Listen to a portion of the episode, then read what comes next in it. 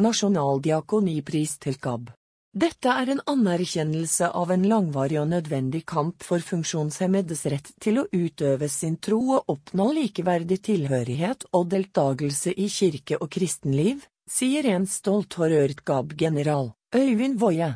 Sammen med styreleder Mette Lilleeng og organisasjonsdiakon Hilde Gromstad mottok han prisen på Diakonikonferansen 2023. 13 diakonale prosjekter og organisasjoner var nominert til prisen som deles ut hvert annet år. Prisen er en gave på 30 000 kroner og et kunstverk. Juryens begrunnelse KAB er en liten organisasjon, men gjør mye for at personer med synsnedsettelser og lesevansker skal få nødvendig hjelp. Spesielt gjelder dette tilrettelegging for aktiv deltagelse i Den norske kirke og i kristne organisasjoner, og for retten til hjelpemidler i liturgien.